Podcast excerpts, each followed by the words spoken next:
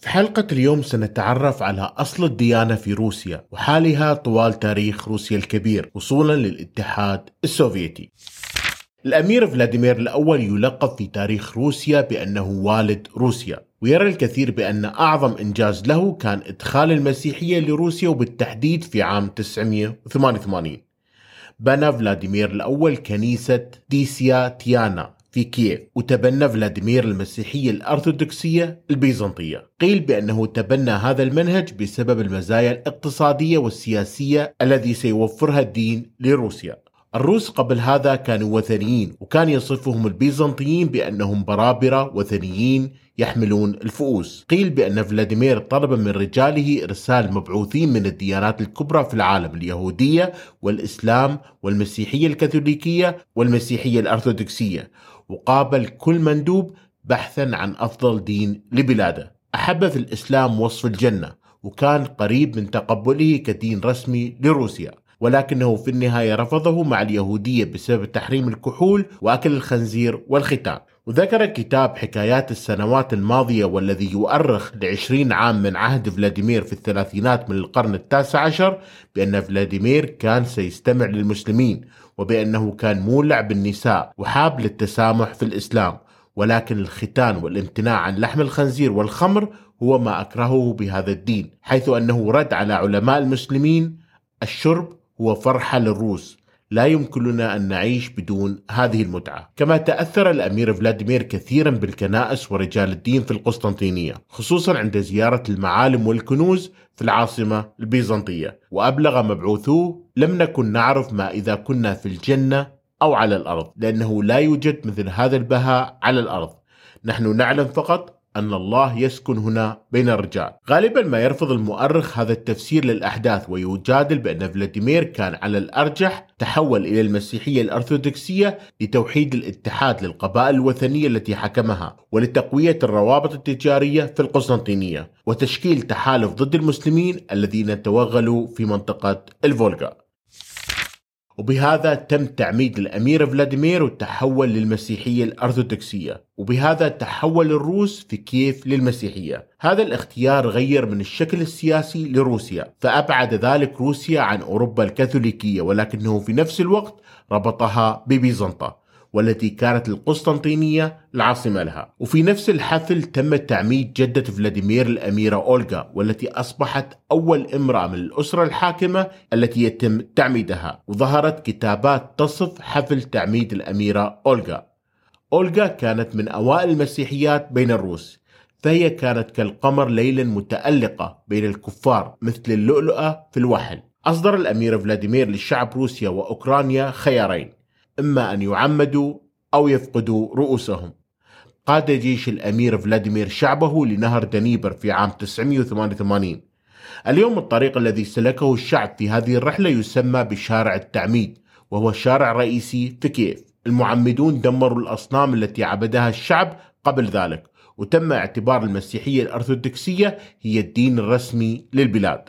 اختيار فلاديمير للأرثوذكسية الشرقية ربط الروس مع القسطنطينية والتي كانت مهيمنة على البحر الأحمر وطريق التجارة المرتبط مع كييف. كان الانضمام إلى الكنيسة الأرثوذكسية الشرقية عواقب سياسية وثقافية ودينية بعيدة المدى. الكنيسة لديها قداس مكتوب باللغة السريالية ومجموعة من الترجمات من اليونانية التي أنتجها الإسلاف الجنوبيين. سهل وجود هذا الأدب تحول الإسلاف الشرقيين إلى المسيحية وعرفهم على الفلسفة اليونانية البدائية والعلوم والتاريخ دون الحاجة إلى تعلم اليونانية. في المقابل تعلم الأشخاص المهتمون بالعلم في أوروبا الغربية والوسطى في العصور الوسطى اللاتينية. ونظرا لأن الإسلاف الشرقيين لم يتعلموا اليونانية ولا اللاتينية فقد تم عزلهم عن الثقافة البيزنطية وكذلك عن الثقافات الأوروبية لجيرانهم في الغرب. تزوج فلاديمير من أخت أحد الأباطرة البيزنطيين. وشرع في برنامج لنقل الثقافة والفن والأبجدية والهندسة المعمارية من القسطنطينية إلى كييف والتي وصفها بأنها مدينة تتلألأ بنور الأيقونات المقدسة وبرائحة البخور ورنين التسبيح والترانيم السماوية المقدسة. وفرت إمبراطورية كييف أرضا خصبة لترسيخ المسيحية الأرثوذكسية على عكس الممالك السلافية في البلقان والتي كانت بعيدة عن متناول الإمبراطورية الرومانية القديمة. كتب المؤرخ الروسي جيمس بلينشتون في مجلة سميثونيان كانت المسيحية في الإمبراطورية الروسية القديمة هي العقيدة لشعب مستعمر. سعى المتحولون الجدد القاسين إلى إضافة قدسية حقيقية لكنائسهم وخدمات العبادة بدلا من مناقشة النقاط الدقيقة للعقيدة. لذلك ملأوا كنائسهم باللوحات الجدارية والأيقونات والشموع. وأضافوا للكنائس قباب خاصة مختلفة عن القباب الأخرى في أوروبا. تطورت روسيا إلى دولة قوية ومتشددة. اعتقدت الدولة بأنها تملك مهمة تاريخية خاصة. فنشر خلفاء فلاديمير الإيمان الأرثوذكسي في المحيط المتجمد الشمالي وغابات سيبيريا. الشيوعية رسميا ضد الديانات. لهذا تعتبر الدول الشيوعية في بعض الأحيان ملحدة. وهنا عندما انتقل الحكم في روسيا ليكون شيوعي تحت مظلة الاتحاد السوفيتي أدرج في الدستور السوفيتي نقطة حرية العبادة. ولكن أيضا أدرج في الدستور بأن للمواطن والحكومة الحرية في نشر الدعاية المعادية للدين. تم استخدام الأمر كمبرر للهجوم على الدين المنظم. الشيوعية استبدلوا الدين بدراسة الماركسية وتم تشجيع الأطفال على المشاركة في الأنشطة المعادية للدين. وشددت المدارس على الجوانب المعادية للدين في العلوم. كان الاعتقاد السائد هو أنه إذا تم تعليم الأجيال المقبلة رفض الدين فسوف يموت الدين في النهاية. كان ماركوس ملحد فأطلق على الدين اسم أفيون الشعوب. كتب ذات مرة بأن البراهين على وجود الله ليست سوى براهين على وجود وعي ذاتي بشري أساسي. الإنسان هو الكائن الأسمى. الإلحاد والشيوعية هي المستقبل حيث تصبح العلاقة الحقيقية بالنسبة للإنسان من جوهر الإنسان. يعتقد أن تجربة ماركس مع الدين داخل أسرته عندما كان طفلا كانت أحد أسباب ازدرائه للدين المنظم. على الرغم من أن أجداده كانوا يهود فقد أصبح ماركس معاديا للسامية. حاول لينين إقامة دولة شيوعية مثالية خالية من الرأسمالية والملكية الخاصة والحرب والفقر والدين. أراد لينين أن يخلق مجتمع إشتراكي من الصفر. فعاد توزيع الأراضي التي كانت تحت سيطرة الطبقة الأرستقراطية وأنشأ مزارع جماعية وقام بتأميم المصانع وتفكيك الكنيسة الأرثوذكسية. بعد وفاة والده وشقيقه كتب لينين كنت في السادسة عشر من عمري عندما تخليت عن الدين وفي مايو من عام 1932 تم إعلان عن خطة خمسية ضد الدين ولهذا عانى الدين من سياسة الدولة المتمثلة في القمع المتزايد بدءا من إغلاق العديد من الكنائس في عام 1929 واضطهاد رجال الدين بشكل خاص خلال عمليات التطهير في أواخر الثلاثينات ولكن المؤمنين استمروا بالعمل بشكل سري. الحكومة قامت بتحويل العديد من الكنائس والأديرة والمساجد إلى مراكز أرشيفية للدولة ومتاحف ومستشفيات ومدارس ومصحات نفسية بل تم تحويل بعض الكنائس إلى مراقص من قبل الشيوعيين. أيضا أحرقت الحكومة اللوحات الدينية وأعادت تدوير المخطوطات في مصانع الورق المحلية. كان بناء كنيسة أو مسجد في ظل النظام الشيوعي مشكلة ليس بسبب المال ولكن لأنه كان من الصعب الحصول على التصاريح الخاصة للبناء. تعامل الشيوعيين الروس بقسوة مع الصراع بين الأيديولوجية الماركسية الإلحادية والرغبة في الحفاظ على الثقافة الأرثوذكسية الروسية. وفي العشرينات من القرن الماضي حاولوا دون جدوى إنشاء دمية الكنيسة الحية. وعندما لم ينجح هذا شن ستالين هجوم شامل على الدين تحت شعار رابطة المجاهدين الملحدين. حاول ستالين القضاء على الكنيسة بشكل كامل لكن خلال الحرب العالمية الثانية عقد ستالين السلام مع الكنيسة الأرثوذكسية والديانات الأخرى لكسب التأييد الشعبي. وبعد وقت قصير من عرض جثة لينين تسبب صقيع في موسكو في انفجار المجاري وأغراق القبر وبسبب هذا الحادث علق البطريرك نيكون بأن المجاري تناسب جثة لينين فتم اعتقاله وأعدامه. كان الإلحاد في الاتحاد السوفيتي شرط أساسي للانضمام للحزب الشيوعي.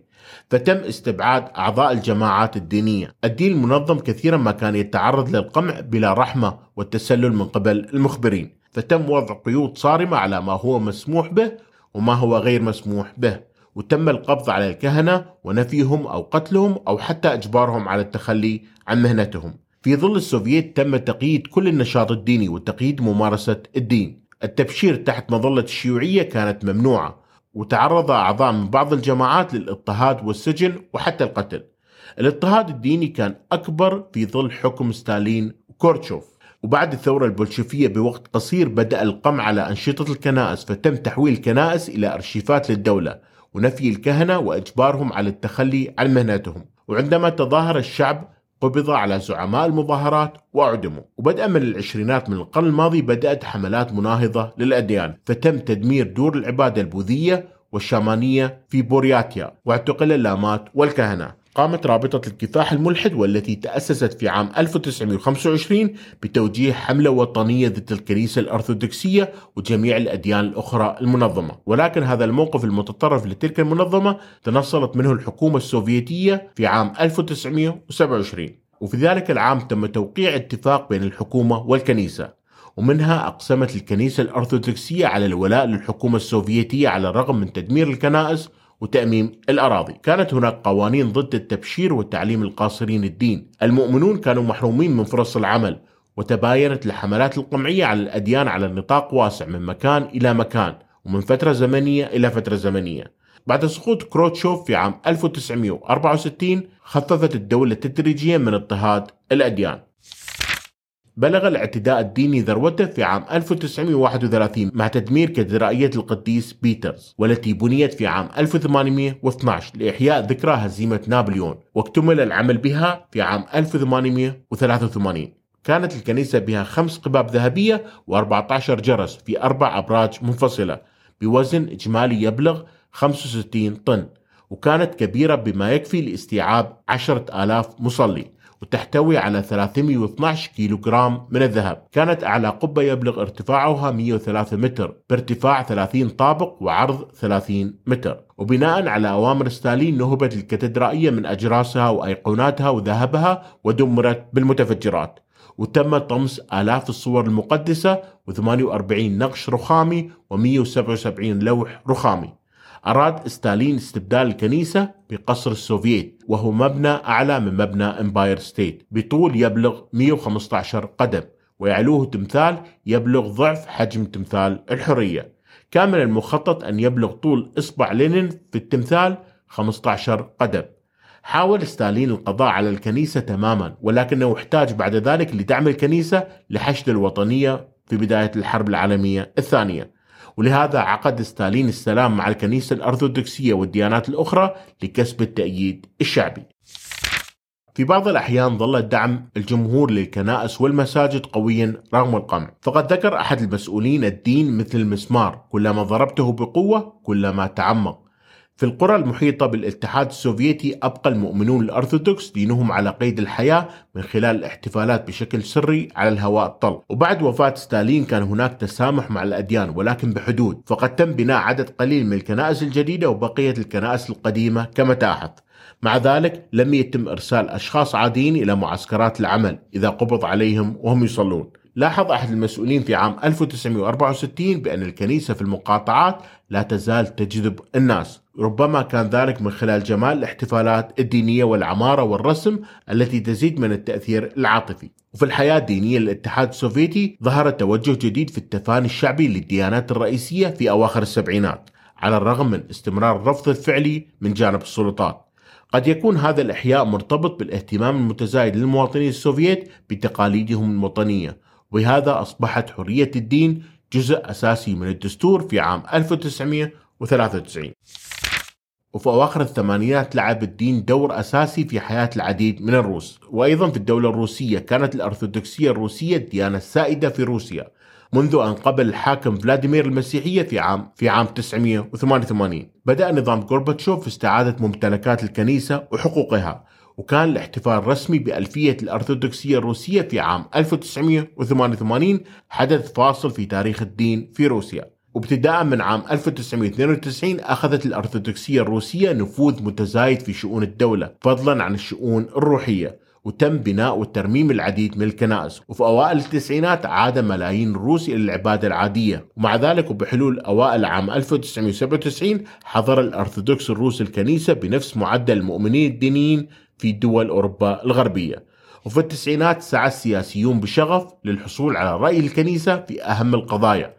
ففي عام 1996 ظهر المرشح الشيوعي للرئاسة زيوغانوف مع البطريرك أليكسي الثاني كعنصر مهم في حملته. تمتعت الجماعات الدينية الأخرى أيضا بحرية نسبية في فترة ما بعد الاتحاد السوفيتي. مع بعض القيود فحظت الجماعات البروتستانتية والكاثوليكية والمسلمة بقبول كامل من قبل الدولة والكنيسة الأرثوذكسية.